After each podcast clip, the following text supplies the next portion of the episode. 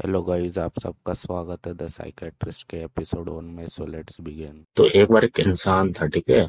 मेरा best friend था। तो उसका नाम ना इतना बड़ा था कि मुझे खुद याद नहीं है। तो सब, हम सब उसके, उसका नाम रखते हैं बड़े छोटे। तो हम उसे सब बड़े छोटे कहकर बुलाते थे। हाँ नहीं सॉरी अभी भी ज़िंदा है, ठीक है? लेकिन वो साला प्यार के पीछे इतना पागल था ना जब देखो उससे गर्लफ्रेंड अच्छी थी। एक बार तो क्लास टीचर के सामने ही गर्ल को प्रपोज कर गया। हाँ मुझे भी यही लगा और क्लासमेट्स को यही लगा, इसने किसी गर्ल को प्रपोज किया, लेकिन फिर पता चला क्लास टीचर को ही कर दिया। फिर पता चला ये तो यूट्यूब प्रैंक था भाई।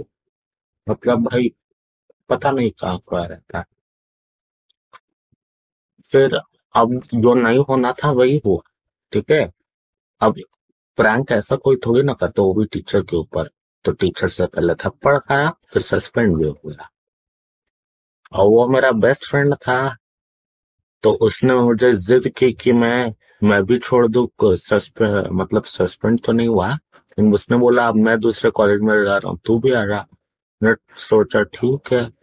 तो मैं भी कॉलेज छोड़ दिया। और फिर जो मेरे पेरेंट्स थे, वो इतने पीटने लग गए। कि इस बेवकूफ़ पागल दोस्त के वजह से तुम भी बिगड़ रहे हो। अब वो, अब वापस चलो चलते हैं बड़े छोटे के कहानी पर।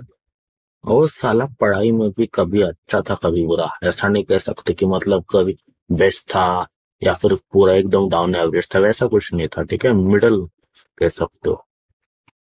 और उसका, क्योंकि उसका दिमाग जो है ना मैक्सिमम एक गर्लफ्रेंड ढूँढने में चला जाता था। बस देखता है कब गर्लफ्रेंड मिलेगी कब गर्लफ्रेंड मिलेगी।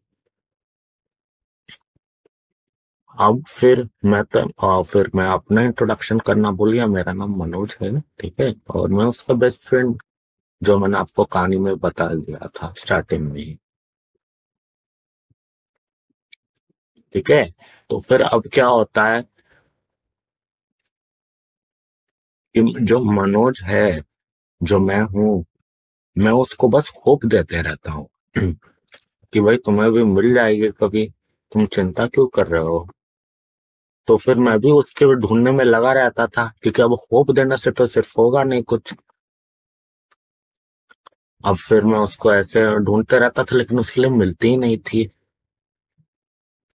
अब फिर क्या करूँ? फिर एक बार क्या हुआ कि जो हम दोनों एक घर में रहते थे, एक रेंट किया हुआ घर था तो फिर एक दिन मेरी गर्लफ्रेंड घर आ गई। तो फिर मेरे बेस्ट फ्रेंड को लगा कि उसके लिए मैं बड़े छोटे के लिए लाया हूँ वो। लेकिन फिर उसे पता चला कि वो मेरी गर्लफ्रेंड है। फिर उसमें आया गुस्सा। मैं तो अपने गर्लफ्रेंड के साथ अपने कमरे में चला गया, लेकिन फिर मुझे धीरे धीरे बाहर से सुनाई दे रहा था कि वो किसी को फ़ोन कर रहा है। फिर कुछ तो बैम्बू और शुगर किन जैसे कुछ मंगा रहा है। तो फिर उसने फिर और फिर कुछ तो ऐसा बोल रहा था, आज शाम को पियेंगे मस्त मस्त फिर जब मेरी गर्लफ्रेंड गई घर से, फिर वो बोला, ये बैम्बू अब मैं इससे पीटूँगा। मैं बोला, भाई, इतने छोटी सी बात के लिए क्यों पीट रहा है? मैं मदद कर ही रहा हूँ। तो फिर वो कहता है, नहीं नहीं, मदद नहीं कर रहा है। खुद की गर्लफ्रेंड लाता है बस। खुद को गर्ल से पूरा बारात लगा देता है लड़कियों की और मेरे लिए एक भी नहीं ढूंढ पाता।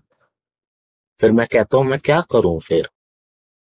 वो कहता है कि, मेरे साथ आकर दारू पी ले। मैंने ज़िंदगी में आज तक कभी दारू नहीं पी थी वो सलाह हुआ था कि मैं जाकर दारू पीऊं। अब ये क्या बात हुई? फिर उसने बोला कि इसी तरीके से एक माफ़ी मिल सकती है। वरना मैं बैम्बू या शुगर के सच्चे मार दूँगा, डंडा घुसाड़ दूँगा पूरा। फिर वो मैं मान ही जाता हूँ, क्योंकि मुझे मार खाने का कुछ शौक था नहीं। मुझे मुक्का वगैरह, लात वगैरह भी नहीं खाना था। तो फिर हम लोग पहुँच गए बाहर। बाहर पहुँचने के बाद मुझे पहला से ही थोड़ा सा अजीब अजीब सा फीलिंग आने लग गया था बाहर पहुँच के। उधर देख कर मैं कहने लग रहा था, अरे भाई, ये सब क्या है? मैं उससे बोला भी कि मैं बाहर का खाना खिला देता हूँ, तब भी नहीं माना। फिर मैं वो ये भी बोला कि पैसे भी नहीं है। वो बोला, वो तब भी मान गया कि मैं पैसे दे दूँगा।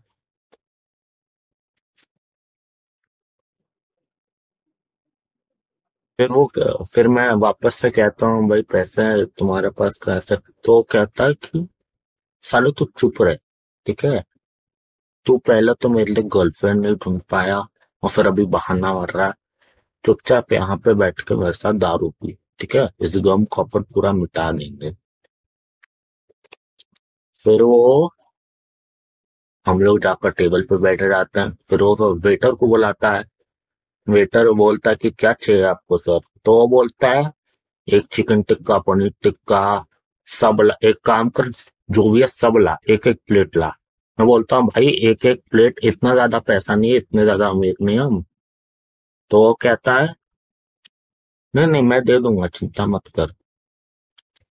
और फिर मैं कहता हूँ कि ये सब खुद ही के लिए ना तो फिर वो वेटर को बुलाता और कहता है, दो प्लेट मेरा शक्ल उस वक्त मतलब क्या भी बोले हम भाई। वो कहता है बस अब हो गया ठीक। वो कह देता है वेटर को दो प्लेट भाई। मतलब फिर तभी हमारा एक आदमी अंदर आता है। मतलब एक आदमी अंदर आता है क्लब के, और हमारे टेबल से टकरा जाता है। हम बोलते हैं, भाई तुम कौन हो यार? ऐसे टकरा गए टेबल में ये तो बाहर लोग बाहर के बाहर जाने से नशे में रहते, ये तो बाहर के अंदर आने से पहले ही नशे में था।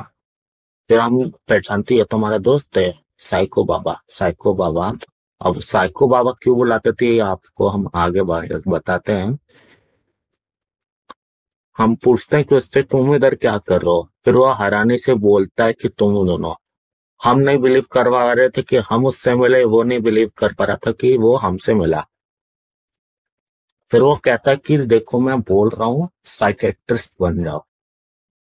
पैसा मिलेगा, दारू पीना और गम मिटा देना। फिर मेरा जो बेस्ट फ्रेंड है, बड़े छोटे, वो भी कहता है अब मैं तुम्हारी बात ज़रूर मानूँगा। अब उसे क्योंकि लग रहा था कि साइकेट्रिस्ट में कुछ ऐसा इलाज होगा कि मतलब अगर गर्लफ्रेंड नहीं मिलेगा सिंगल हो तो फिर कुछ मतलब कुछ मेथड होगा जिससे इस परेशानी को दूर हटा दिया जाए। तो फिर वो कहता है, चलो साइकेट्रिस्ट ही बन जाते हैं, बेस्ट है, हम लोग भी एडमिशन ले लेते हैं। तो फिर मैं बोलता हूँ, अरे भाई,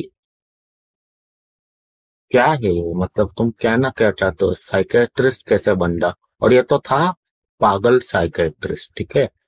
पागल वाला साइकेट्रिस्ट अब पागल वाला साइकेट्रिस्ट इसलिए था, पहले तो ये था